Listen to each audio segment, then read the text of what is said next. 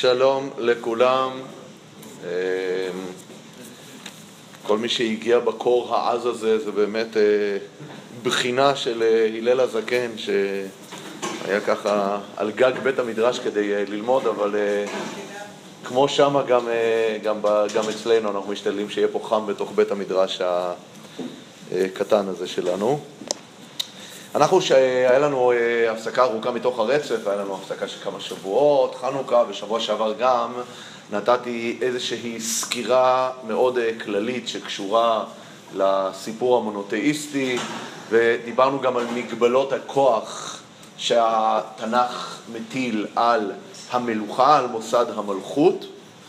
דיברנו על זה שבתנ"ך המלכות היא מגיעה מתוך איזשהו סיפור היסטורי, היא אנקדוטה בתוך רצף היסטורי, וזה לא מלכות שמוכתבת מלמעלה, שהיא חלק מאיזשהו סדר קוסמי, כמו שיש בחברות האליליות. אה, וזה אחד מהסיפורים המשמעותיים בספר שמואל, על זה שמלכות היא מגיעה בשלב מסוים, וכמו שהיא הגיעה, ייתכן גם שהיא תלך. זה חלק מהאמירה שיש בזה שמלכות היא לא הייתה קיימת מאז ומתמיד, ראינו שגם בספר שופטים יש את הרמז לזה, כשמציעים לגדעון, משול בנו גם אתה, גם בנך, גם בן בנך, והוא אומר, אני לא אמשול אני בכם ולא בני, אלא השם ימשול בכם. זאת אומרת שביהדות האמירה הבסיסית היא שמלכות היא לא דבר מובן מאליו. זה לא מוסד שמובן מאליו. דיברנו, דיברנו על עוד הרבה הקשרים במובן הזה, הרחבנו מאוד. אני רוצה היום לחזור לתוך הרצף הסיפורי שהיינו בתוכו, ולכן אני רוצה לתת אה, שניים-שלוש דקות של סקירה קצרה, למקם אותנו על הרצף, איפה אנחנו נמצאים בתוך הסיפור. אה, אנחנו יודעים שיש אה, עלייה מטאורית של דוד מיד אחרי שהוא מצליח להרוג את גוליית. הפרק שמגיע אחרי המפלה הגדולה של גוליית מתאר את העלייה המטאורית של דוד, וככל שדוד עולה, כך שאול יורד. ככל שדוד מצליח, כך שאול נכנס למראה שחורה ולמצב רוח הפכפך, והוא מתנהג באימפולסיביות, הוא מתנהג אפילו במצבים כאלה של מניה דיפרסיה, ופתאום הוא נשבע לדוד שהוא אוהב אותו ולא יפגע בו, ומיד אחר כך הוא שוב פעם לא מתגבר על עצמו. ראינו שהעניינים מגיעים לרתיחה ולמצב שיא, כאשר שאול מגייס את ביתו, ביתו אהובתו, ביתו, ביתו שלו, מה שצריך להגיד יותר מזה, כדי להפיל את דוד. הוא רוצה שהיא תתחתן עם דוד כדי שהוא יוכל לפתות את דוד לשלם מוהר עורלות של פלישתים, אבל גם שם, ככל ששאול ינסה להפיל אותו יותר, דוד רק מצליח יותר ויותר. ומה שאנחנו ראינו באמת זה שכשמגיע, אה, וזו נקודה חשובה, מגיע שלב מסוים שיונתן פונה, אה, כאשר שאול מבקש מיונתן ומעבדיו להמית את דוד, יונתן מדבר על ליבו, מדבר על ליבו והוא גם מזמין את דוד לשמוע את השיחה שמתקיימת בינו לבין אביו. הוא אומר לדוד, תהיה בשדה לידינו, תוכל לשמוע ולהאזין לדברים של שאול ממש מיד ראשונה, אל תסמוך עליי, תשמע את זה ישירות. אני חוזר שוב פעם על המשפט הזה כי הוא יהדהד לנו עוד מעט. יונתן אומר לדוד, אל תסמוך עליי. הוא לא אומר את זה ככה, אבל זה, זה הסיפור פה. אני קורא בתחילת פרק י"ט: ויגד יונתן לדוד לאמור, מבקש שאול אבי לעמיתך, ואתה הישמר נא בבוקר, וישבת בסתר ונחבאת, ואני אצא ועמדתי ליד אבי בשדה אשר אתה שם. אתה לידך אני אזום את השיחה הזאת. ואני אדבר בך אל אבי, וראיתי מה, והגעתי לך. וידבר יונתן ודוד טוב אל שאול אביו, ויאמר אליו אל יחטא המלך בעבדו בדוד, כי לא חטא לך, וכי מעשיו טוב לך מאוד, וישם נפשו בכפו, ויח את הפלישתי וכולי וכולי, למה תחטא בדם נקי להמית את דוד חינם? וישמע שאול בקול יהונתן, וישבע שאול, חי השם אם יומת. ויקרא יונתן לדוד ויגד לו יונתן את כל הדברים האלה. למה יונתן קורא לו לומר לו? הוא בא ואומר לו, הנה תראה, שמעת באוזניך את שאול נשבע שהוא לא ימית אותך. אחרי שהוא נשבע שהוא לא ימית אותך, אני אומר לך יונתן, יונתן אומר לדוד, אני אומר לך, אל תסמוך עליי, אתה שמעת באוזניים שלך. זו אמירה מאוד משמעותית שתשקף לנו את מה שהולך לקרות עוד מעט בפרק הבא, ביחסי אמון שיש בין דוד ליונתן, שאנחנו צריכים להבין שיונתן נמצא כאן בעמדה מאוד בעייתית בין דוד לבין אביו. הוא צריך להחליט היכן נמצאת הנאמנות שלו. הוא מצד אחד אוהב את דוד כנפשו, ולא רק זה, הוא כרת עם דוד ברית. מיד אחרי הניצחון על גוליית, אנחנו רואים שיונתן כורת עם דוד ברית, ואנחנו נראה, זו הברית הראשונה מתוך שלוש בריתות שייכרתו בין יונתן לדוד. הברית הראשונה היא מיד אחרי הניצחון על גוליית. אני אקרא מיד את המילים רק כדי שתשימו לב. בתחילת פרק י"ח ויהי ככלותו לדבר אל שאול, ונפש יהונתן נקשרה בנפש דוד. ויהווהו יהונתן כנפשו, ויקחהו שאול ביום ההוא ולא נתנו לשוב בית אביו, ויכרות יהונתן ודוד ברית באהבתו אותו כנפשו. הם כורתים כאן ברית אישית, ברית של אהבה, ברית של באמת קשר עצום.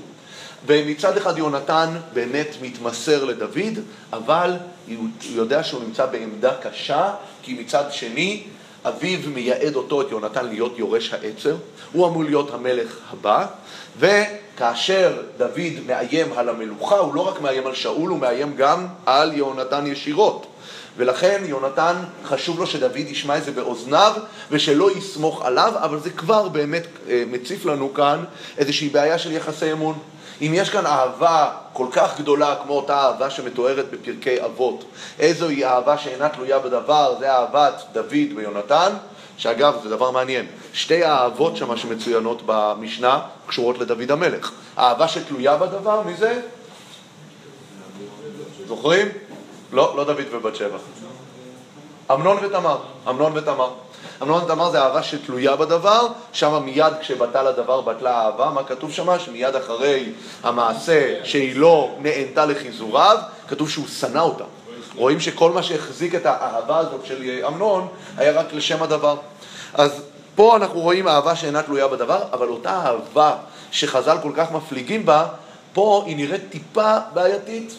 לכאורה, דוד לא סומך על יונתן, ויותר משדוד לא סומך על יונתן, יונתן מבין שדוד לא יכול לסמוך עליו, ולכן הוא דורש מדוד לשמוע את השבועה של אביו מיד ראשונה, בשדה.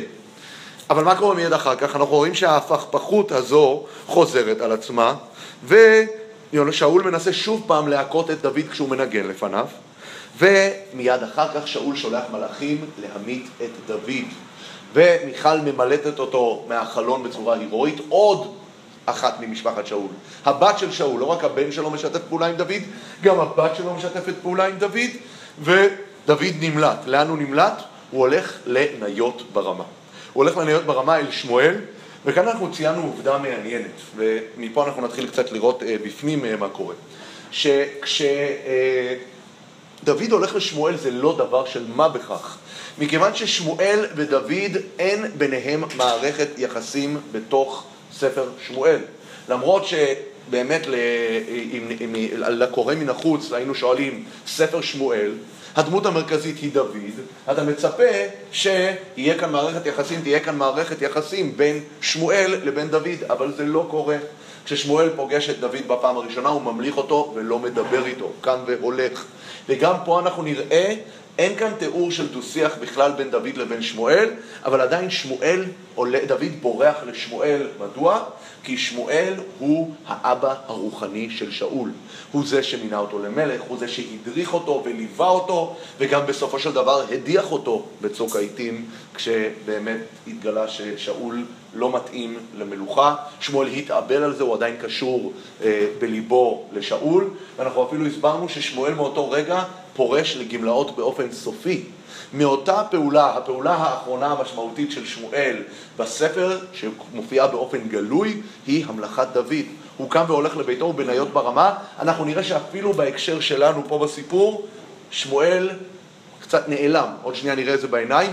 אנחנו נפגוש את שמואל כשהוא ימות, יבוא, יעלו לספוד לו, והפגישה האחרונה עם שמואל תהיה לאחר מותו, כשהוא יופיע לשאול אצל בעלת האוב. אבל שמואל, כאדם פעיל, נעלם מהרגע שהוא המליך את שאול, כאילו הוא אומר לקדוש ברוך הוא, הכרחת אותי להמליך את דוד, אני עושה... את, את דוד, אוקיי, סליחה. כשאתה, שמואל אומר לקדוש ברוך הוא, הכרחת אותי להמליך את דוד, אני ממליך אותו, מניח את זה והולך. זהו. אז בואו נראה מה קורה עכשיו. דוד נמלט והולך לשמואל. אני קורא את זה. פסוק כ', תודה. ויוגד לשאול, איפה, איפה, אולי אני אקרא אפילו קודם, ודוד, פסוק אפילו י"ח אני אגיד. ודוד ברח וימלט, ויבוא אל שמואל הרמתה, ויגד לו את כל אשר עשה לו שאול. מי אומר למי? דוד אומר לשמואל. שמואל מגיב? לא, שמואל לא מדבר, לא כתוב כאן, אולי הוא דיבר, אבל התנ"ך בכל מקרה לא מספר לנו. וילך הוא שמואל וישבו בניות.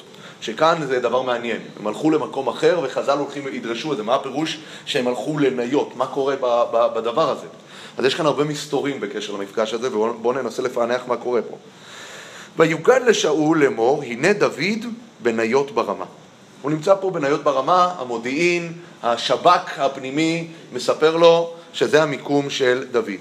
וישלח שאול מלאכים לקחת את דוד. וירא את להקת הנביאים, ניבאים, ושמואל עומד ניצב עליהם, ותהי על מלאכי שאול רוח אלוהים, ויתנבאו גם המה. מה קורה? המלאכים מגיעים לאסוף, מה זה? מה זאת אומרת? שמואל, prophesize. כן. And- נבואה, ואנחנו ראינו את זה גם בסיפור ההמלכה של שאול, נבואה היא איזשהו מצב תודעתי, לא יודע מה הם ניבאים, אני לא יודע. אגב, צריך לציין, הדגשנו את זה כמה פעמים, רוב הנבואות שניתנו בפועל לבני אדם לא נכתבו בתנ"ך. נבואה הייתה משהו מאוד סדיר, מאוד יומיומי, בן אדם היה צריך לדעת איפה להשקיע, היה הולך לנביא. אנחנו יודעים שכששאול מחפש את האתונות, הוא הולך לנביא. הולכים לנביא גם לפעולות יומיומיות. אבל חז"ל אומרים, רק הנבואה שנצרכה לדורות נכנסה לתוך הקאנון התנ"כי. שאר הנבואות, הן היו נבואות יותר מקומיות, יותר נקודתיות, ואפילו נבואות ברמה של ספרים, חלקם נשארו בחוץ. הרבה היה מלאכת עריכה בתקופה של בית שני על ידי אה, גוף שנקרא אנשי כנסת הגדולה, שהם אה, סידרו הרבה מהעניינים היהודיים כמו שאנחנו מכירים אותם בימינו, קשורים לעניין של הכתב, הכתב האשורי, ענייני סדרי התפילה, קריאה בתורה, הרבה הרבה מוסדות אה, אנשי כנסת הגדולה תיקנו, אנשי כנסת הגדולה רק צריך, אם כבר פתחנו את הסוגריים האלה, אני רק אגיד בשני מילים, אין מועצה אחת שישבה שקוראים לה אנשי כנסת הגדולה. אנשי כנסת הגדולה זו תקופה, זו תקופה של יותר מ-200 שנה. כי אנחנו יודעים שבאנשי כנסת הגדולה היו מצד אחד חגי, זכריה ומלאכי, שזה תחילת בית שני, אבל אנחנו יודעים על שמעון הצדיק, שהוא היה משיירי כנסת הגדולה. שמעון הצדיק זה כבר, את מי הוא פוגש? את אלכסנדר מוקדון. שמעון הצדיק פגש את אלכסנדר מוקדון. זאת אומרת שזו תקופה של יותר מ-200 שנה הרצף הזה, שהוא רצף שפחות או יותר מלווה את עם ישראל מהתקופה של סוף גלות בבל. חברים באנשי כנסת הגדולה, עזרא הסופר, וחגי, וזכריה ומלאכי, מרדכי. זה היה גדולי הדור, וזה סוג של תקופה, אנשים שתיקנו דברים כדי לייצב את היהדות בעידן של משבר מאוד גדול, של תום עידן הריבונות היהודית על ארץ ישראל, תום המלוכה על ארץ ישראל, תום הנבואה, כל כך הרבה עניינים משמעותיים פתאום נזקקו לאיזשהו סוג של ייצוב, של לייצב את הספינה הרועדת, ואנשי כנסת הגדולה הם אלה שבמשך 200 שנה עסקו בלייצב את הספינה. והם, חלק ממה שהם עשו, הם חתמו את התנ"ך, והם החליטו מה נכנס ומה לא. מעבר לזה, יש גם מקומות מסוימים שהם הכניסו גם כל מיני תיקונים. זה, דבר, זה דברים שלא אני אומר, הראשונים כבר מדברים עליהם. הם הכניסו כל מיני הערות, מה שנקרא הערות שוליים לתוך התנ"ך. רק צריך לדעת שבטקסטים, המושג של הערת שוליים או של סוגריים זה מושג מודרני, זה מושג חדש. פעם כשהיו כותבים הערה או תוספת, היו מכניסים אותה תמיד לתוך גוף הטקסט. מי שקורא גמרא, אגב, רואה את זה, אני אוריד את החליפה כי פשוט מעט חם לי, מי שקורא גמרא יכול לשים לב לדבר הזה, הגמרא מלאה בהמון המון סוגריים. וסוג... והגמרא זה ודאי סוג של ספר רב-דורי.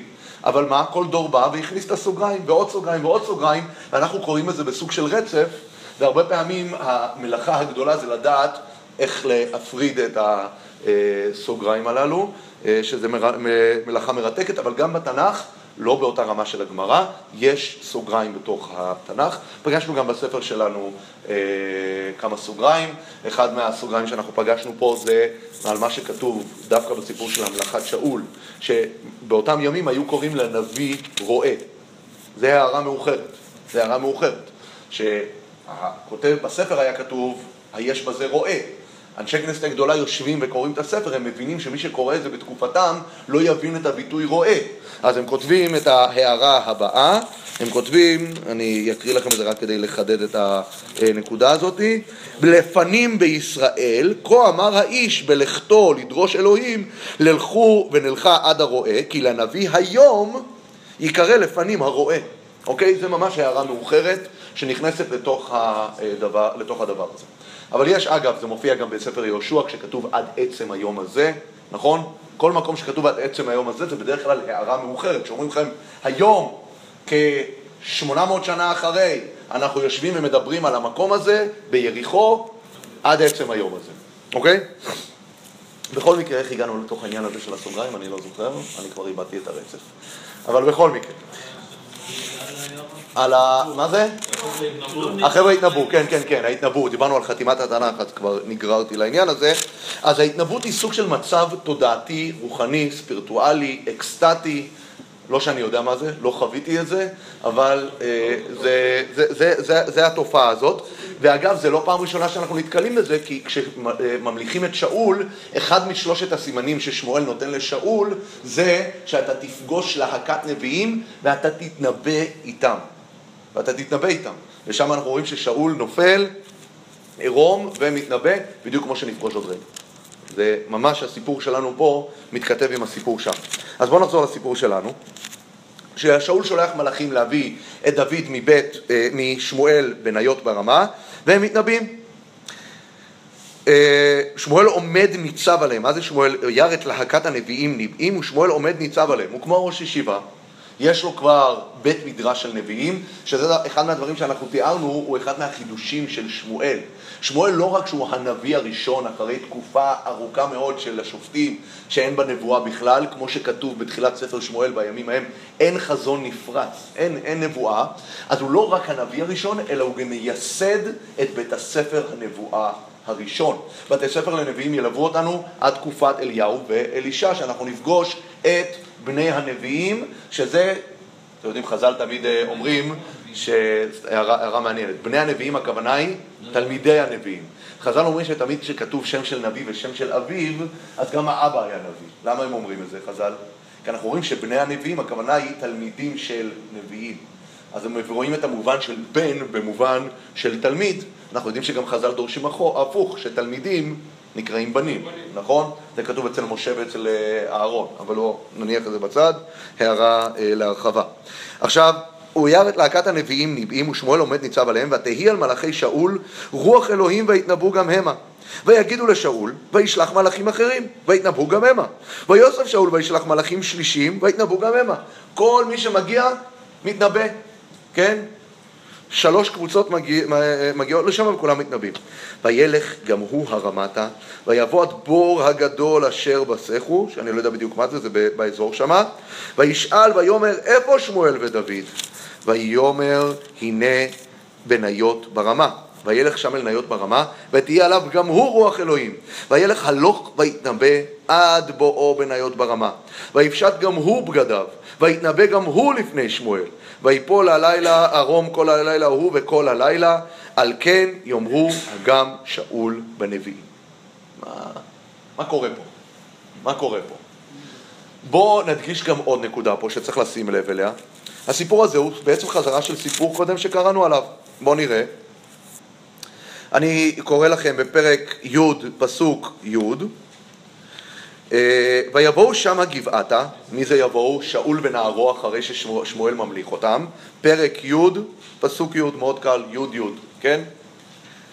ויבואו שמה גבעתה והנה חבל נביאים לקראתו, ותצלח עליו רוח אלוהים ויתנבא בתוכם.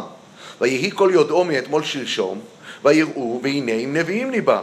ויאמר העם איש אל רעהו מה זה היה לבן קיש? הגם שאול בנביאים? ויען איש משם ויאמר ומי יביהם? על כן הייתה למשל הגם שאול בנביאים. זאת אומרת שאנחנו רואים ששאול נכנס לתוך אותה מוזה רוחנית של המלוכה, המוזה הרוחנית, הרוחנית הזאת היא סופר משמעותית, כי אנחנו יודעים שהסימן הראשון ששאול מאבד את המלוכה זה שרוח השם שרה מעליו, זו אותה רוח השם שהביאה אותו להתנבאות. הרי אם נשים לב באותו פרק שקראנו עתה, פרק י', הפסוק שקודם לנבואה הספונטנית ההיא, והיה כהפנותו שכמו ללכת מעם שאול, ויהפוך לו אלוהים לב אחר, ויבואו כל האותות האלה ביום ההוא.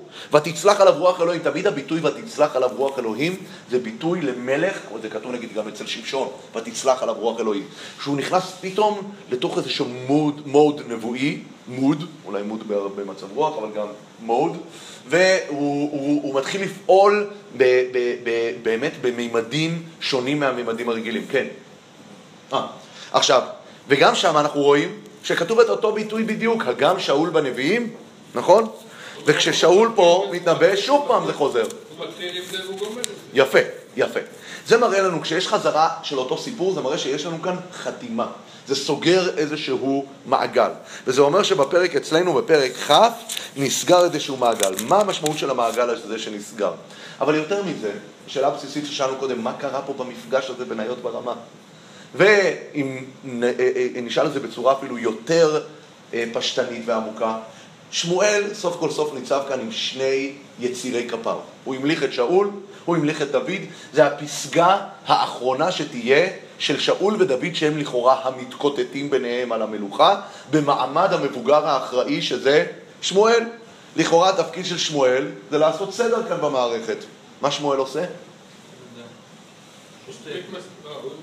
כלום, לא יודע, לא כתוב מה הוא עושה. לא עושה שום דבר, לא יודע. מה עם האחריות שלך, שמואל? אתה המלכת את שאול, אחר כך שאול לא הצליח, אתה הלכת והמלכת את דוד, אתה יודע שזה רצון השם, יש לך הזדמנות לפייס ביניהם, ביניהם ליישב את ההדורים, ואתה עוסק בנבואות. אבל איך הוא יכול? מי? שאול התמסטל לגמרי. אבל עדיין, אני שואל, אתה, אומר, אתה אומר שזה לא היה תלוי בשמואל, זה כאילו נכפה, יש כאן סיטואציה שנכפתה עליו, שהוא לא יכל לשלוט בה. אני לא בטוח. אולי, אולי, אני לא בטוח. לא השתכנעתי. אמ, אז מה באמת אה, קורה שם? אז צריך אה, לשים לב דבר אה, מעניין שקורה שם אצל שמואל. וזה חז"ל אומרים, אבל יש לזה גם סמך בכתובים מאוד מאוד מעניין. מסכת צווחים, דרש רבא, מאי דכתיב דוד ברח וימלט, ויבוא אל שמואל הרמתה, ויגד לו את כל אשר עשה שאול, וילכו שמואל וישבו בניות, ויוגד לשאול לאמור, הנה דוד בניות ברמה וכולי, וכי מה עניין ניות אצל רמה? אומרים, מה הקשר ניות ברמה? אני מבין שהשאלה שלהם, שלכאורה גיאוגרפית זה מקומות שאפילו לא קרובים אחד לשני. שזה אגב ראיתי, יש שאלה באמת, מה המיקום המדויק של ניות ברמה? זה נראה שהם עזבו את רמה והלכו לניות ברמה. אני לא יודע, אבל הגמרא מבינה שמה העניין, או שזה רחוק, או שמה הקטע, בשביל מה? הרי ממילא שאול לא הצליח לתפוס את דוד בגלל שהיה כאן את העניין הזה של הנבואה. למה זה לא יכול לקרות ברמה עצמה? היה כאן איזשהו עניין בשינוי המקום, והגמרא דורשת, אלא שהיו יושבים ברמה, הגמרא מוציאה את זה כבר לפרשנות מדרשית, היו יושבים ברמה ועוסקים בנויו של עולם. מה זה נויו של עולם? בית המקדש. איפה אנחנו פוגשים את הביטוי נויו של עולם עוד פעם, אתם מכירים? תוכניות של בית המקדש, בדיוק. איפה אנחנו פוגשים את הביטוי הזה נויו של עולם, אתם יודעים? יש את הסיפור הרי עם אה, אה, זה זכריה בן אבקולס, אחרי, ש... או, או בבא בן, לא, לא בבא בן אבקולס, זכריה בן אבקולס, אחרי שהרג הורדוס את כל החכמים, נשאר רק, אה, רק, אה, רק הוא, והוא אמר לו, אתה הלכת והחרבת, אני לא אומר את הביטוי המדויק, אני לא זוכר את זה בעל פה, אבל הוא אומר לו, ולך ועסוק בנויו של עולם, ולכן הורדוס הולך ובונה את בית המקדש, שנחשב נויו של עולם. אז הם באותו הזדמנות, הם עוסקים בעניינים של בית המקדש, ואגב זה מעניין, בדברי הימים א', הכהנים, הם הלכו לניות עיר הכהנים. לא, נוב עיר עיר הכהן, זה אחר כך. זה עוד שני פרקים, אנחנו נפגוש את נוב. ניות, בואו נראה, כתוב בדברי הימים א', בפרק ט' פסוק כ"ב, כולם הברורים לשוערים בסיפים, 212 המה בחצריהם, התייחסם, יש שם את כל התיאור של חלוקת המשמרות וסדרי העבודה בבית המקדש, המה ייסד דוד ושמואל הרואה באמונתם. יש מפגש כזה. חז"ל אומרים שבמפגש הזה, באותו לילה שהם יושבים בניות ברמה, עוד לפני ששאול מגיע, שמואל יושב עם דוד ומלמד אותו את כל התוכניות של בית המקדש. ודוד כידוע הרי הכין לבנו שלמה את כל ענייני אה, המקדש, נכון? הוא הלך והכין, זה גם מתואר בדברי הימים א' בפרק כ"ב, שזה לא מופיע אצלנו אגב בספר, לכן אני מדגיש את זה, שדוד הכין לשלמה את כל החומרים, את כל התוכניות והעניינים של בית המקדש. ממי הוא למד את זה? הוא למד את זה משמואל, וזה קורה באותו הלילה. מה הסיפור פה? הסיפור פה, אני חושב שיש בו כמה וכמה משמעויות שאנחנו אה, ננסה לעמוד עליהן. המשמעות הראשונה, אני חושב ששמואל באמת תופס איזושהי הימנעות. הוא לא מתערב בנעשה, וזה קשור למה שדיברנו על זה, ששמואל פורש לגמלאות. העמדה של שמואל, אנחנו רואים אותה מאוד ברורה בהמלכת דוד, הוא מתאבל אל שאול, מופיע שם פעמיים. השם אומר לו, די, אתה צריך להפסיק להתאבל, אבל שמואל, אנחנו רואים מאוד קשה לו העניין הזה, זה כמו שמופיע בתחילת פרק ט"ז. אה, ולא יסף שמואל לראות את שאול עד יום מותו, אני קורא בפסוק האחרון של פרק ט"ו, כי התאבל שמואל אל שאול. התאבל שמואל, ויאמר השם אל שמואל, עד מתי אתה מתאבל אל שאול? ואני מאסתי במלוך על ישראל. שמואל, העמדה שלו היא כאן, באיזשהו מקום, לא אה, מסתדרת עם העמדה של הקדוש ברוך הוא. הוא נמצא בסוג של ויכוח פה. עד שהקדוש ברוך הוא, כמו שראינו כשלמדנו שמה, הוא צריך לכפות את שמואל בכוח ללכת ולמשוך את אה, דוד, למשוך את דוד. וכשהוא נמצא בבית דוד, שמואל מנסה להתחמק, הוא רוצה להמליך אנשים אחרים שיותר דומים לו לשאול. לא. יש כאן הדגשה שהקדוש ברוך הוא כופה אותו, ולכן כשיש כאן גם את ההזדמנות הזאת, לכאורה שמואל תופס איזושהי עמדה ניטרלית, אני לא מתערב במה שקורה פה, וזה ממשיך באמת את הקו שאנחנו רואים ביחס לשמואל, שהוא איש של שאול. זה באמת היבט אחד. עכשיו, צריך לשים לב גם לעוד נקודה, בצורה ששמואל בוחר להתמודד כאן עם הסיטואציה. אנחנו מכירים עוד דוגמה בתנ"ך, אנחנו מכירים אפילו דוגמה מחז"ל לסיטואציה הזאת, שיש מלך שהולך לדרוש מאיש רוח, איש אלוהים, משהו, וכל השליחים שהוא שולח אליו, כולם נשארים במקום ולא חוזרים. הסיטואציה התנ"כית היא בתחילת ספר מלכים א', מלכים ב'. מה קורה שם? יש שם את אחזיה, הבן של אחאב, שהוא מלך רשע. אה, כבר נאמר עליו, על אה, אחזיה, ש... יעש הרע בעיני השם, וילך בדרך אביו ובדרך אמו ובדרך ירובעם בן נבט, ויעבוד את הבעל, וישתחווה לו, ויחס את השם ככל אשר עשה אביו וכולי.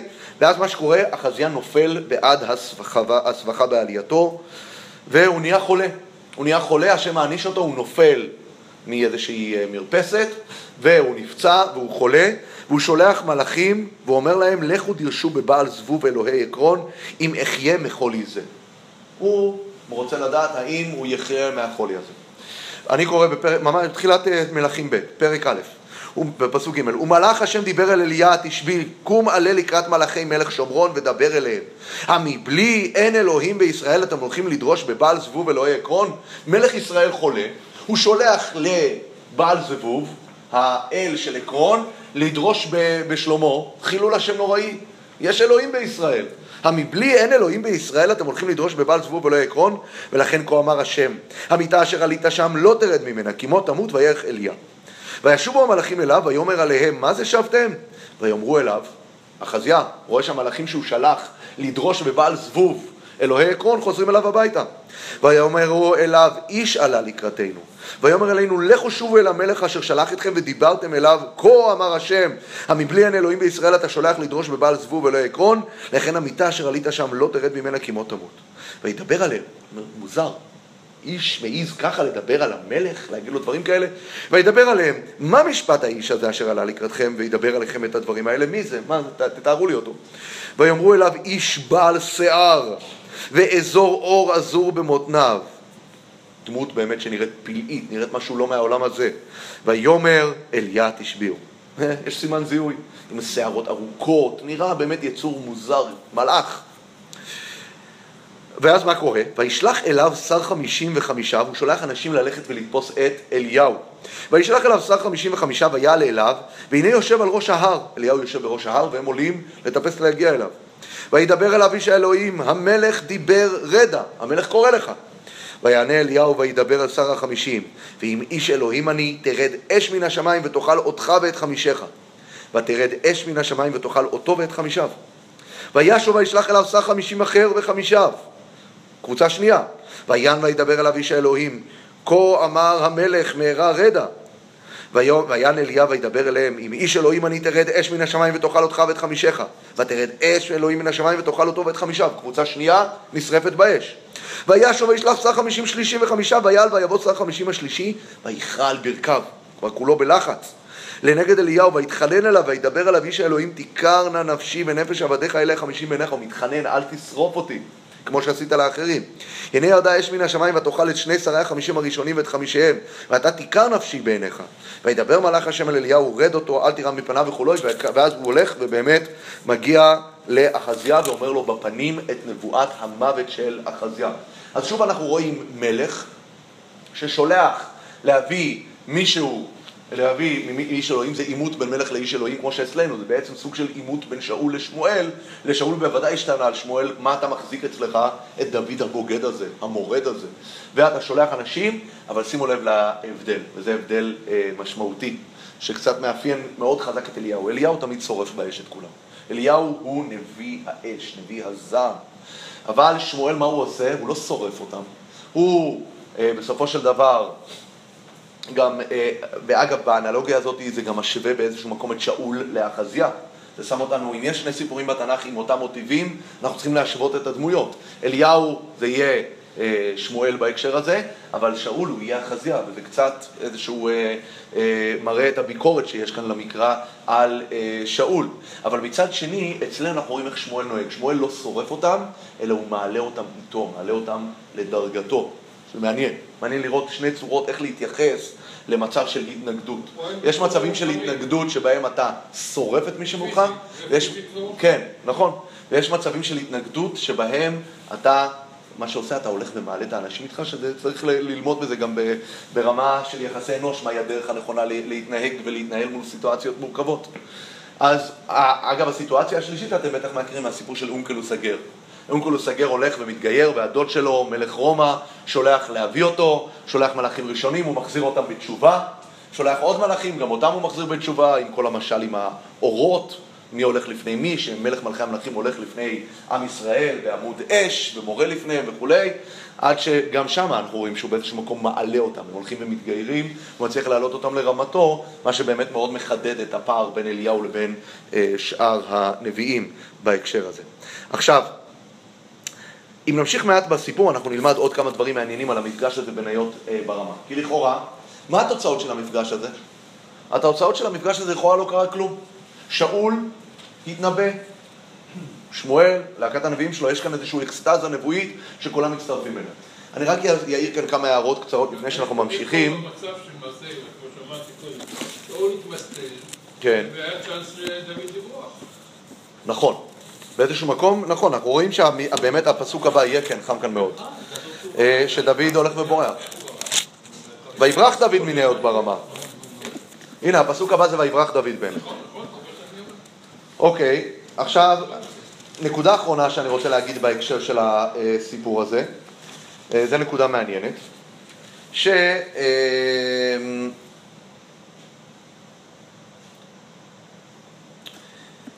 שאול, שמואל, תשימו לב שכשהוא פותח את תקופת הנבואה שלו, אין נביאים. אין נביאים, נכון? ואנחנו יודעים שהאידיאל היהודי, הכוזרים מדבר על זה הרבה, זה מי ייתן את עם השם נביאים, נכון? ולעתיד לבוא וניבאו בניכם ובנותיכם, זה השאיפה, לשם אנחנו נגיע. אז כאן אנחנו רואים ששמואל, שדווקא התחיל ממקום שהוא הנביא היחיד, פורץ דרך, כשהוא מתחיל להתנבאות, אלי אפילו לא יודע מה להגיד לו. האם זה נבואה או לא, כי אנחנו לא יודעים, לא יודעים לזהות נבואה. אחרי שלושה פעמים אלי אומר, כן, שמעתי פעם שיש מושג כזה שקוראים לו נבואה, וכשתשמע את הקול הזה, קורא אליך, תגיד, דבר השם כי שומע עבדיך, כן? אז אה, זה, זה המצב שבו באמת, אה, אה, פה אנחנו מגיעים בעצם, כמו שאמרנו, לסצנת הפרישה של שמואל. כאן שמואל פורש באופן סופי מתפקידו, במצב הזה אנחנו רואים שהוא מצליח להפיץ נבואה להמונים. שממש אנחנו רואים איך התהליך הזה הצליח כל כך מהר. מצד שני, הסיפור הזה, מעבר לזה שיש בו סגירה לתקופת שמואל, במובן מסוים, כי זו תהיה הפעולה האחרונה, המעורבות האחרונה שלו, יש כאן גם איזושהי סגירה לשאול, כמו שציין לפני כן זאב. אם אותו סיפור פותח, סיפור המלוכה של שאול פותח באותה התנבאות, גם כאן זה פותח באותה התנבאות, ויש כאן את אותה, אותו ביטוי שחוזר בדיוק. שם אומרים הגם שאול בנביאים, וכאן אומרים הגם שאול בנביאים. אבל זה שני ביטויים שונים לגמרי. שם נאמרת הפליאה, הגם שאול בנביאים זה איך טיפסת כל כך מהר, כן? והגעת למדרגה של נבואה, וזה באמת מתאר את העלייה הגדולה של, ש... של שאול כשהוא מומלך ומיד נכנס לתוך המועדון הזה של הנביאים ומצליח לקבל נבואה ספונטנית כל כך מהירה. כאן באיזשהו מקום האמירה, גם שאול בנביאים היא אמירה קצת אה, מאכזבת, כי הרי מה קורה פה, מה ההבדל? שכאן שאול נופל ומתגולל עירום. למה הוא מתגולל פה עירום? למה הוא מתגולל פה עירום? זה בא להראות כבר שהנבואה אינה הולמת את מצבו. הגוף שלו כבר לא יכול להכיל את זה, ולכן הוא כבר חווה את הנבואה כסוג של השתתות. הגוף שלו כבר לא משתף פעולה. הוא לא יכול לחוות את הנבואה הזאת באופן שפוי, באופן אנושי רגיל, ולכן באיזשהו מקום הנבואה הזאת מסמלת את הפרידה הסופית של רוח אלוהים משאול, ואם שאול פה מתנבא, הוא מתנבא באופן שזה כבר ממש לא בדרגתו. וכשכאן אומרים אגם שאול בנביאים, הכוונה היא לא אגם בשאול בנביאים כמו בהתחלה מתפלאים, איך בן אדם כל כך מהר זוכה לנבואה, אלא איך ירדת כל כך מהר? מה, אתה גם שייך לאותו מציאות של נבואה של אנשים שלא יכולים להחזיק את זה? כי זה גדול על מידותיהם. הגם שאול בנביאים זה באיזשהו מקום, אה, יש כאן איזושהי אכזבה. אגב, זה מאוד מעניין גם אה, לראות, בפעם הקודמת, כשהוא מומלך, הוא עוזב את שמואל והוא הולך לאן? לאותו מקום, לגבעת האלוהים, ושם הוא פוגש חבל נביאים והוא מתנבא איתם. זאת אומרת, הוא מתרחק משמואל, ושם הוא מקבל נבואה רחוקה. פה הוא כאילו חוזר לשמואל לביתו, ומחזיר לו את הנבואה שהוא נתן לו. זה תהליך הפוך. הוא בא אל שמואל מביתו בגבעה, הוא מגיע אל שמואל ומוסר לו את זה. יש כאן איזשהו תהליך של סגירת מעגל, הוא עכשיו, כיוון ההליכה הוא הפוך לגמרי. הוא חוזר עם הנבואה ומניח אותו, ודבר מעניין שנשים לב עם שאול, מעכשיו ואילך אין לשאול יותר רוח רעה. אותה רוח רעה שליוותה אותנו בפרקים האחרונים, שגרמה לו להטיל את החנית, נעלמת. כי כמו שאמרנו, הרוח הרעה היא מלווה למה? מלווה לתהליך דמדומי הנבואה של שאול, שהוא חווה נבואה והוא יורד ממנה והוא מנסה לחזור והוא מאוד מדוכא כשחסרה לו אותה נבואה. אנחנו רואים מכאן ואילך, שאול באיזשהו מקום, מצבי הרוח שלו כבר אה, אה, נהיים קצת יותר יציבים, הרוח הרעה עוזבת אותו ולכן תיארנו באמת, הרוח הרעה הזאת היא מתלווית לאובדן הנבואה וכאן הוא מאבד את זה באופן סופי ואין יותר רוח רעה אל שאול.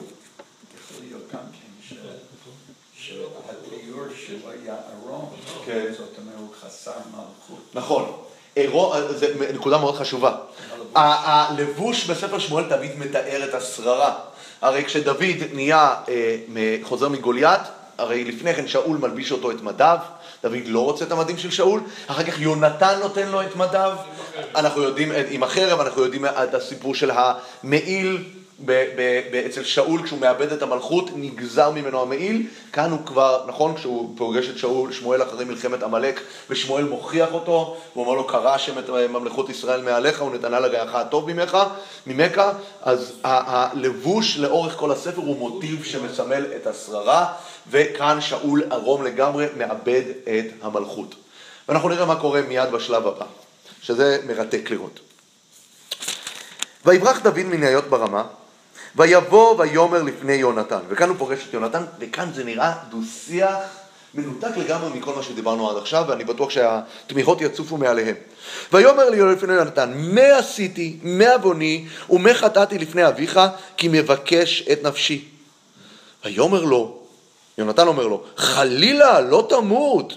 הנה לא יעשה אבי דבר גדול או דבר קטון ולא יגלה את אוזני. ומדוע יסתיר אבי ממני את הדבר הזה? אין זאת. אין זאת. מה, מה קורה לך, יונתן? אתה לא קראת את הפרק הקודם? אנחנו למדים מכאן שיונתן לא למד ספר שמואל כנראה. כי בספר שמואל קראנו בפרק הקודם שהוא, אה, שמואל מבקש להמיתו, שולח מלאכים להמיתו. תחילת הפרק באמת הוא רוצה להמית ויונתן מצליח לשכנע אותו, אבל זה התהפך. דוד, דוד נאלץ לברוח ויונתן לא יודע.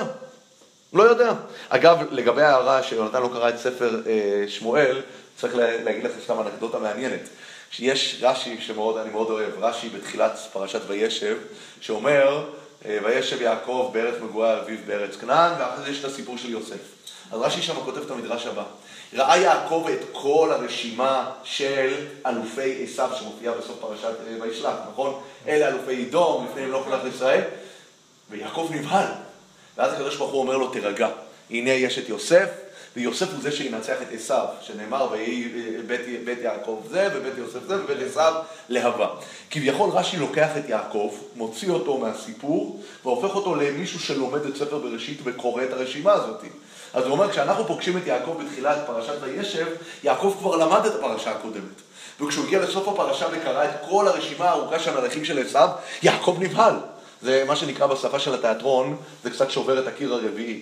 יעקב יוצא מהטקסט ומצטרף לקוראים, הוא מתבונן בטקסט כמי שקורא אותו, הוא נבהל, והטקסט דואג להרגיע אותו, לא, לא, לא, אל תדאג, יוסף פה. אז אני אומר, אם היינו שוברים כאן את הקיר הרביעי אצל יונתן, מוציאים אותו מהטקסט, שיקרא את הפרק הקודם, זה נראה מנותק מכל הקשר. אין זאת, הוא אומר לו. אבא לא רוצה להרוג אותך, אין סיכוי שהוא רוצה להרוג אותך. מה, מה, מה, מה הכוונה? איך, איך זה מתחבר כאן לאיזשהו קונטקסט בכלל, הסיפור הזה? אני חייב להגיד באמת שבמחקר אנשי ביקורת המקרא עשו כאן חגיגה שלמה על הפרק הזה. לא, זה לא מפה, מאוחר, לא מתואם. אני יש של ברוך בעזרת השם, אנחנו נצליח לסדר כאן את כל העניין. וישבע עוד דוד, וכאן שימו לב, דוד כשהוא קולט שיונתן כאילו לא מאמין, הוא אומר, יונתן אומר לו, אין זאת. אבא שלי לא יעשה דבר כזה בלי לגלות לי, ואם אבא שלי היה רוצה להרוג אותך, הוא היה מגלה לי, הוא אומר לו, אין זאת. ויאמר, וישבע עוד דוד, ויאמר ידוע ידע אביך כי מצאתי חן בעיניך. ויאמר, אל ידע זאת יונתן, פן יעצב. זאת אומרת, דוד אומר לו, אתה יודע מה, אתה נאיבי. הסיבה שאתה לא יודע את זה, כי אבא שלך מסתיר את זה ממך, כי הוא יודע שאתה אוהב אותי, והוא לא משתף אותך בתוכניות שלו. ואולם, חי השם וחי נפשך, כי כפסע ביני ובין המוות. אני ממש עומד על חרב חדה מונחת על צווארי. ויאמר יהונתן לדוד, אל דוד, מה תאמר נפשך ואעשה לך. מה שאתה מציע, אני אעשה. בוא, ברשותכם בואו נמשיך עוד קצת, כדי שנקבל כאן את התמונה, בואו נשהה, נשתהה קצת על השאלות. ויאמר דוד אל יהונתן, הנה חודש מחר, ואנוכי ישוב אשב עם המלך לאכול. ושילחתני, ונסתרתי בשדה עד הערב השלישי. דוד אומר, תראה, מחר ראש חודש. בראש חודש היה נהוג בעת העתיקה, ראש חודש היה סוג של חג. אנחנו יודעים שראש חודש היו עושים ממנו חגיגה הרבה יותר גדולה ממה שאנחנו מכירים היום. היו בו חגים, היה זבח משפחה, אה, אה, החודש היה מועד של הקרבת זבחים וקורבנות. אז הוא אומר לו, מחר יש חודש ויש סעודה גדולה, כן? הנה אנוכי יושב עם הלך לאכול ושילחתני ונסתרתי בשדה עד הערב השלישית. אם פקוד יפקדני אביך, ואמרת, נשאול נשאל ממני דוד לרוץ בית לחם עירו, כי זבח הימים שם לכל המשפחה. הוא אומר, הרי אני לא אגיע לסעודה מחר. אבא שלך בוודאי ישאל איפה אני. שאול ישאל איפה אני. אם שאול ישאל איפה אני, אתה תגיד לו, תשמע, דוד ביקש ממני שחרור, פתק שחרור, ללכת להיות עם המשפחה שלו. אז ככה תגיד לאבא שלך. שאול נשאל ממני דוד לרוץ בית לחם עירו כי זבח הימים שם לכל המשפחה. אם כה יאמר טוב שלום לעבדיך, אם כה יאמר סליחה טוב שלום לעבדיך.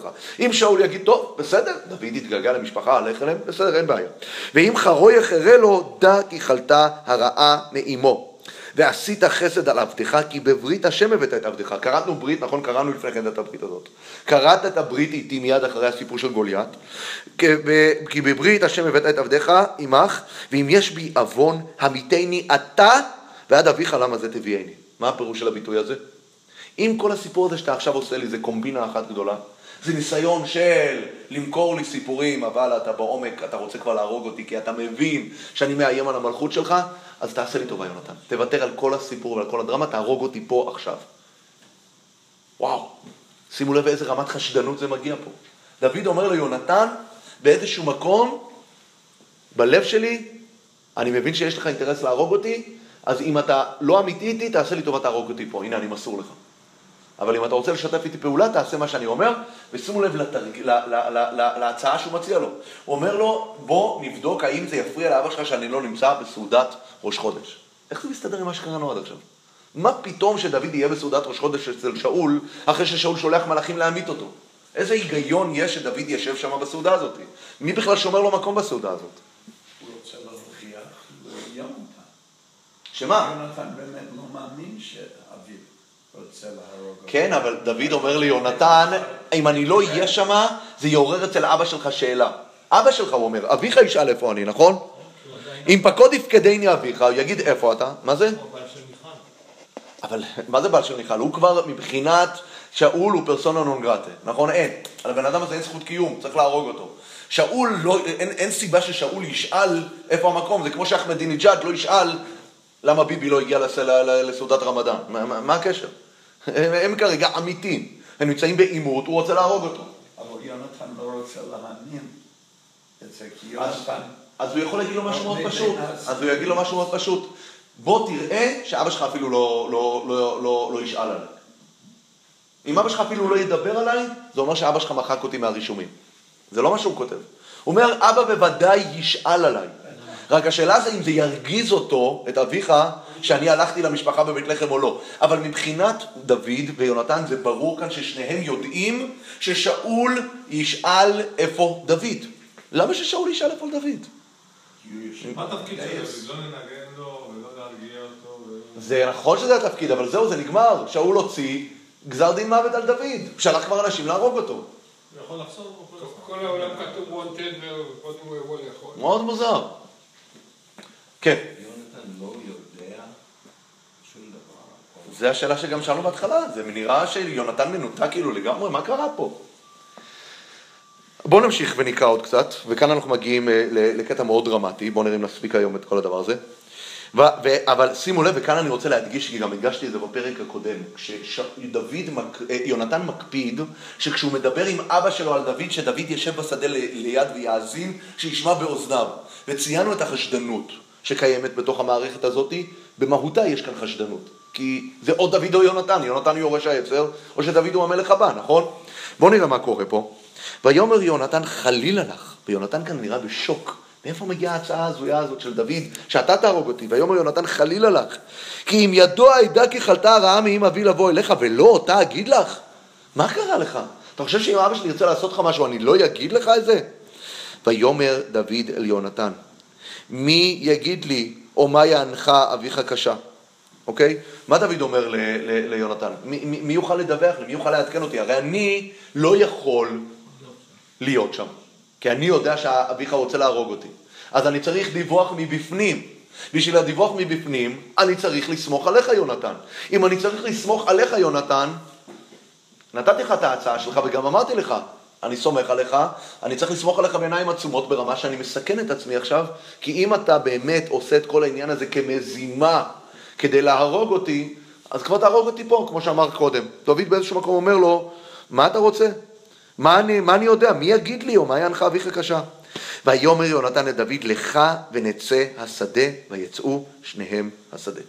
פתאום כאן מגיעה ההצעה השנייה של יונתן, בוא נלך לשדה. למה הם צריכים ללכת לשדה? בואו נראה את- השלב הבא, זה לא מוזר, הם צריכים פתאום לצאת לשדה. לעשות פאזה חדשה. פאזה חדשה, בואו נראה.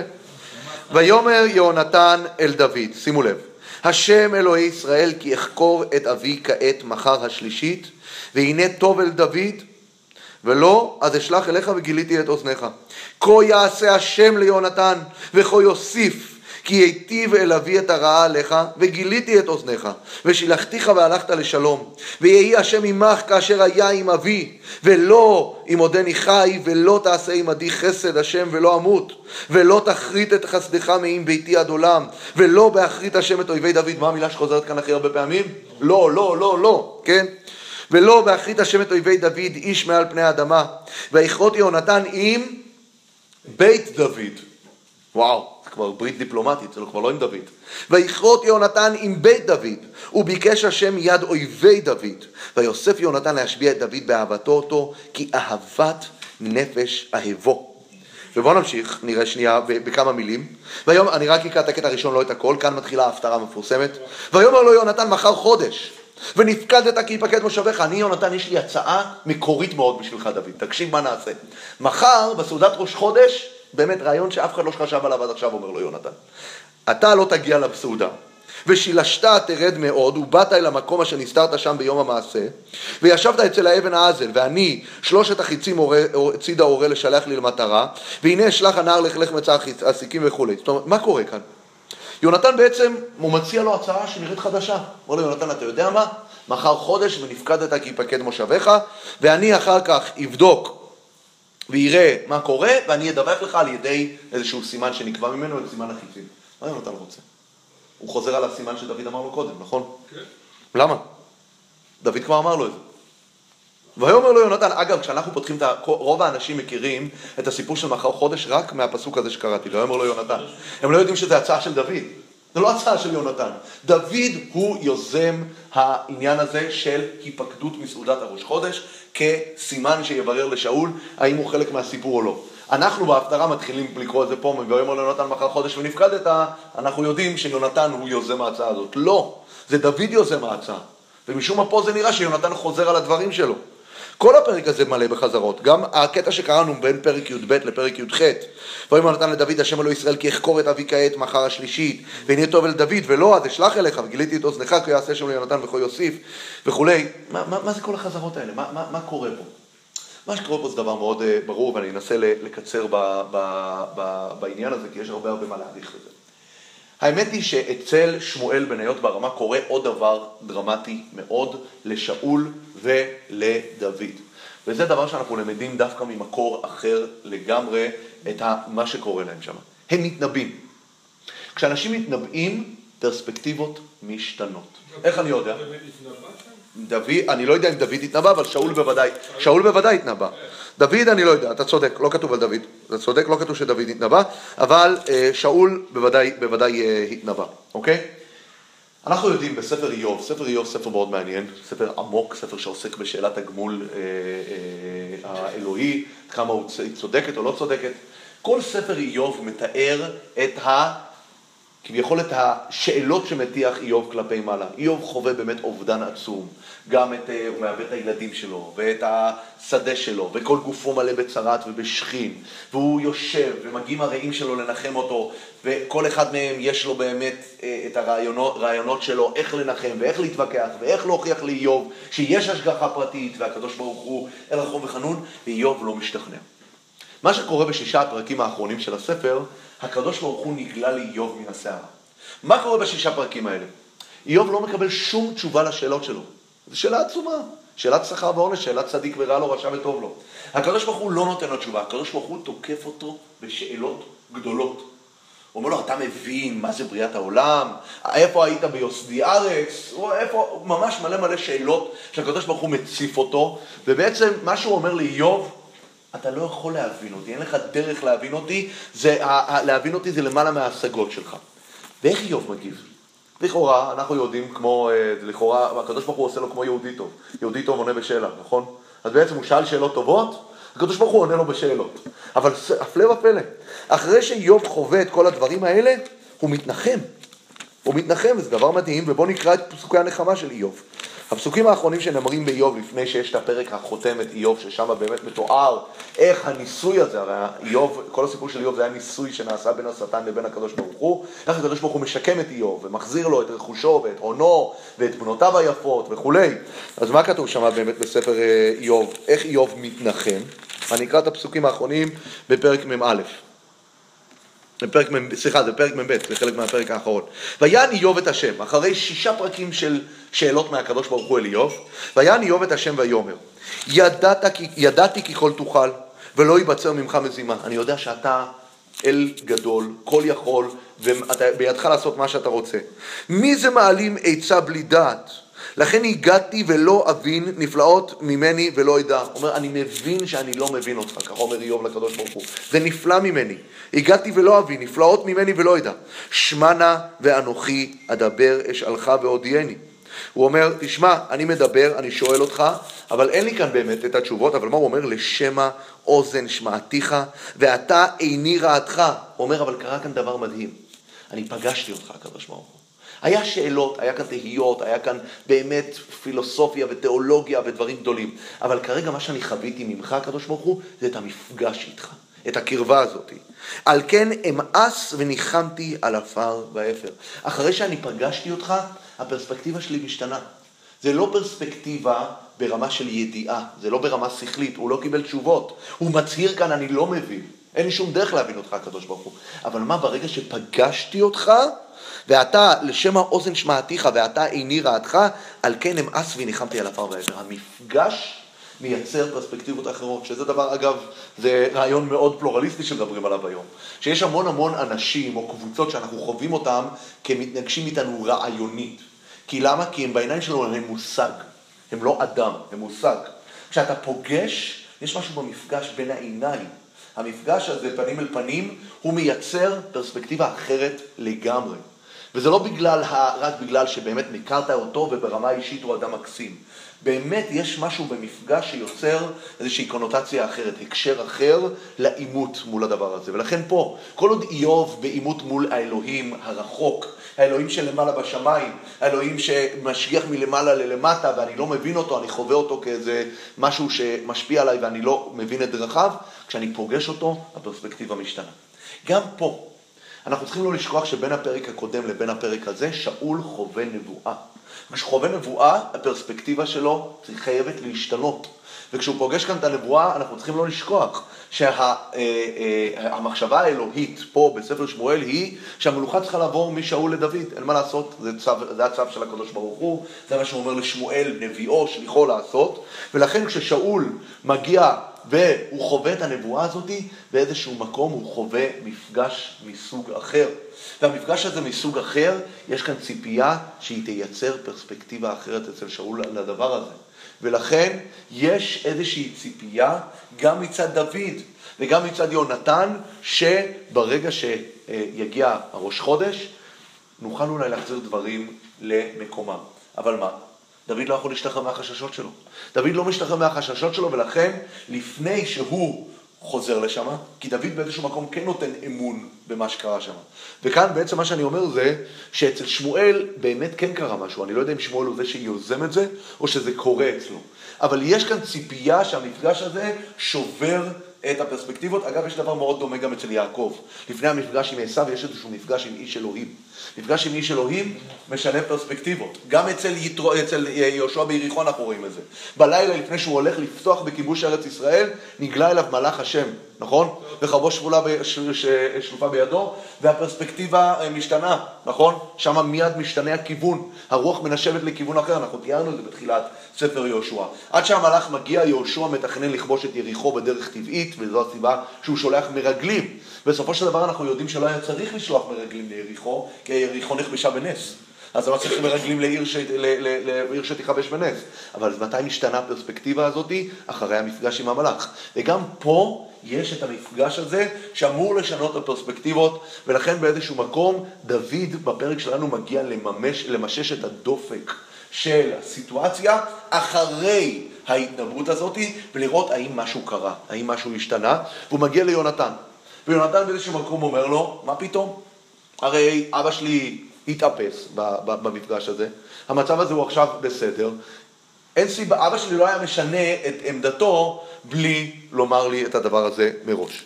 וכאן מגיע כאן ש... אה, אה, נקודה, וזו נקודה מאוד משמעותית בתוך הפרק. דוד יוזם ואומר לו, תשמע יונתן, אני לא יכול עכשיו כאן לעשות את זה, את, ה, את, ה, את הניסיון הזה, בלי שאתה איתי לגמרי, ודוד באיזשהו מקום כאן, וצריך לדעת שזה דבר מעניין, שלאורך כל הפרקים כתוב שמה? שדוד אוהב את יונתן.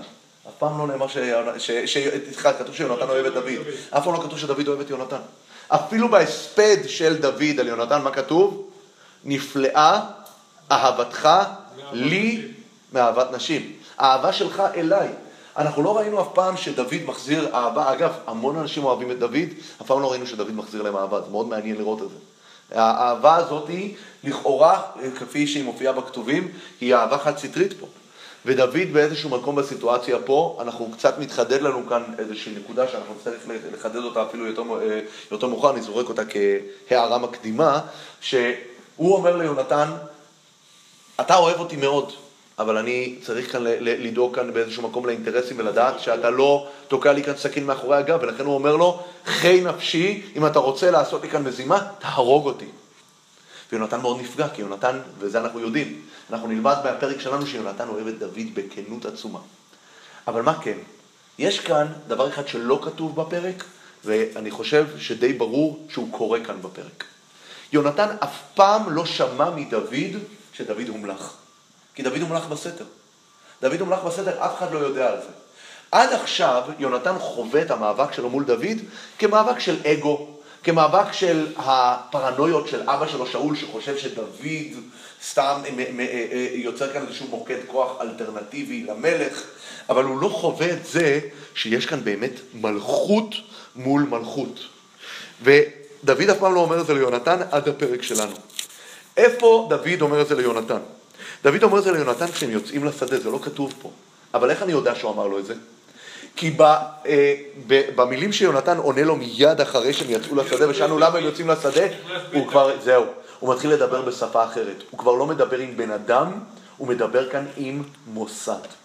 הוא מדבר כאן עם ה institution הזה שקוראים לו בית דוד. ובואו נקרא את זה בפנים, אנחנו נראה את זה בצורה מדהימה. אני אקרא מהר מאוד כדי שנראה את הדבר הזה. ויאמר דוד אל יונתן, הנה חודש מחר ואנוכי ישוב אשב עם המלך לאכול ושלחתני ונסתרתי אם פקוד יפקדני אביך וכולי כה יאמר טוב אושר עליך ואם חרה יחרה לו דע כי חלתה רעה עמו ועשית חסד על עבדך כי בברית השם הבאת את עבדך עמך ואם יש בי עוון עמיתני אתה ועד אביך למה זה תביאני אל תגרור אותי לאבא שלך במזימות כדי שהוא יהרוג אותי תהרוג אותי אתה ישירות. ואומר יונתן חלילה לך. הרי יונתן באמת אוהב את דוד מה פתאום שתחשוב עליי דבר כזה? כי מידו ידע כי חלתה הרעה מאם אבי לבוא עליך ולא אותה אגיד לך? בוודאי שאני אספר לך דבר כזה. עכשיו, בשלב הזה יונתן לא מבין את מה ש... לא יודע את מה שדוד יודע. דוד יודע שהעימות הזה הוא הרבה יותר עמוק ממה שיונתן חושב. כי יונתן עד עכשיו לא יודע שלדוד, שדוד הולך להיות המלך.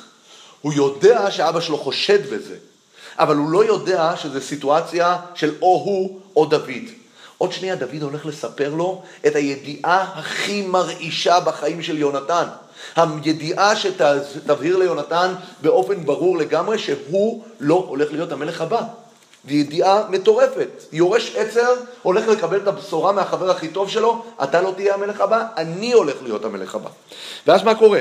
ויאמר דוד ליונתן, מי יגיד לי ומה ינך אביך קשה? ויאמר יונתן לדוד, לך ונצא השדה, ויצאו שניהם השדה. למה יונתן אומר לו לצאת השדה? יונתן אומר לו, יש כאן משהו שאתה לא מספר לי. יש כאן נתון, אני, זה לא נראה, יונתן אומר, דוד, אני יודע את הברית שקראתנו, אני יודע את האהבה בינינו, ואתה מדבר איתי בצורה כאילו אני איש זר, אתה חושב לי שאני אגרור אותי, אותך לאבא שלי, כדי שאבא שלי יהרוג אותך? דוד, תספר לי מה באמת קורה פה. תסביר לי מה קורה פה, אני לא מבין. ואז יונתן אומר לו, אני מבין שיש כאן משהו שאתה לא יכול להיות גלוי איתי לגביו, בוא נצא לשדה, נלך למקום חשאי, נלך למקום קצת אה, רחוק מאוזן אדם, שתוכל לדבר איתי בפתיחות. ובשדה שמה דוד מספר לו, לפני כמה זמן שמואל בעל הבית שלי, הוא משך אותי למלך בקרב אחי, אני המלך הבא. ושימו לב מה התגובה של יונתן. וזו התגובה הנסערת שאנחנו חווים פה, אני מסיים עוד דקה כי אנחנו כבר חורגים. ויאמר יונתן אל דוד, השם אלוהי ישראל כי אחקור את אבי כעת מחר השלישית. והנה טוב אל דוד ולא אז אשלח אליך וגיליתי את אוזניך, כה יעשה השם ליונתן וכה יוסיף כי היטיב אבי את הרע עליך וגיליתי את אוזניך ושילחתיך והלכת לשלום ויהי השם עמך כאשר היה עם אבי. מה זה יהי השם עמך כאשר היה עם אבי? אתה הולך להיות מלך, אז אני מאחל לך את ההצלחה שהיה, שתהיה לך כמו שהייתה לאבי בתחילת הדרך. ולא אם עודני חי, ולא תעשה עמדי חסד השם, ולא אמות. מה, מה זה כל הביטויים האלה ולא? הוא רוצה, לה, הוא רוצה להגיד אפשר להשמיט כאן את כל המילים האלה של ולא, אבל, אבל יונתן מאוד נסער פה ומאוד מסתייג והוא מאוד מבין את הסכנה של הסיטואציה. ולכן הוא אומר כל הזמן ולא, ולא אם עודני חי, ולא תעשה עמי חסד השם ולא אמות, ולא תכרית את חסדך מעם ביתי עד עולם, ולא באחרית השם את אויבי דוד איש מעל פני האדמה, ויכרות יהונתן עם בית דוד. וביקש השם מיד אויבי דוד. ויוסף יונתן להשביע את דוד באהבתו אותו כי אהבת נפש אהבו. מה זה אהבת נפש אהבו? כאן מתברר שיונתן אוהב את דוד אהבה שאינה תלויה בדבר. כי באותו רגע שדוד זרק והניח ביניהם את הדבר, את הדבר שאמור להיות המעכב הכי גדול במערכת יחסים ביניהם, מה עושה יונתן באותו רגע? אוהב אותו. אוהב אותו. הוא אומר לו, עזוב אותך המלוכה, זה לא מעניין אותי. אני אוהב אותך, וגם אם אתה תהיה המלך הבא, אני מברך אותך שתצליח כמו אבי. אני מבקש ממך תכרות ברית, כי אני מבין, מלך שקם בדרך כלל הורג את כל הזרע של המלך הקודם, תשבע לי שהבית שלך, בית דוד, יהיה בברית עם בית יונתן ולא יכרית אותו, ו... הם, אה, כאן מתגלית אהבה עצומה שממש אינה תלויה בדבר, כי לא יכול להיות דבר, בוודאי בהקשר התנ"כי, שהוא יותר משמעותי בלסבך מערכות יחסים מזה שיש כאן אה, אה, מתח מי יהיה המלך הבא. זה גורם, זה, זה גורם לרציחות הכי זוועתיות שיש לנו בספר מלכים, זה שצריך לקום ולמרות ולרצוח את כל בית המלך. רק נעיין בסיפור של יהוא, יום אחד נגיע לזה, ונראה מה הוא עושה כדי להחריב בית מלוכה. וזה הסיפור המשמעותי של אהבת דוד ויונתן, שממש אינה תלויה בדבר, זה מתגלה בפרק שלנו. על ההמשך של המשמעות של זה כבר נלמד בשיעור הבא, בהפטרה של מחר חודש. כואב. כואב.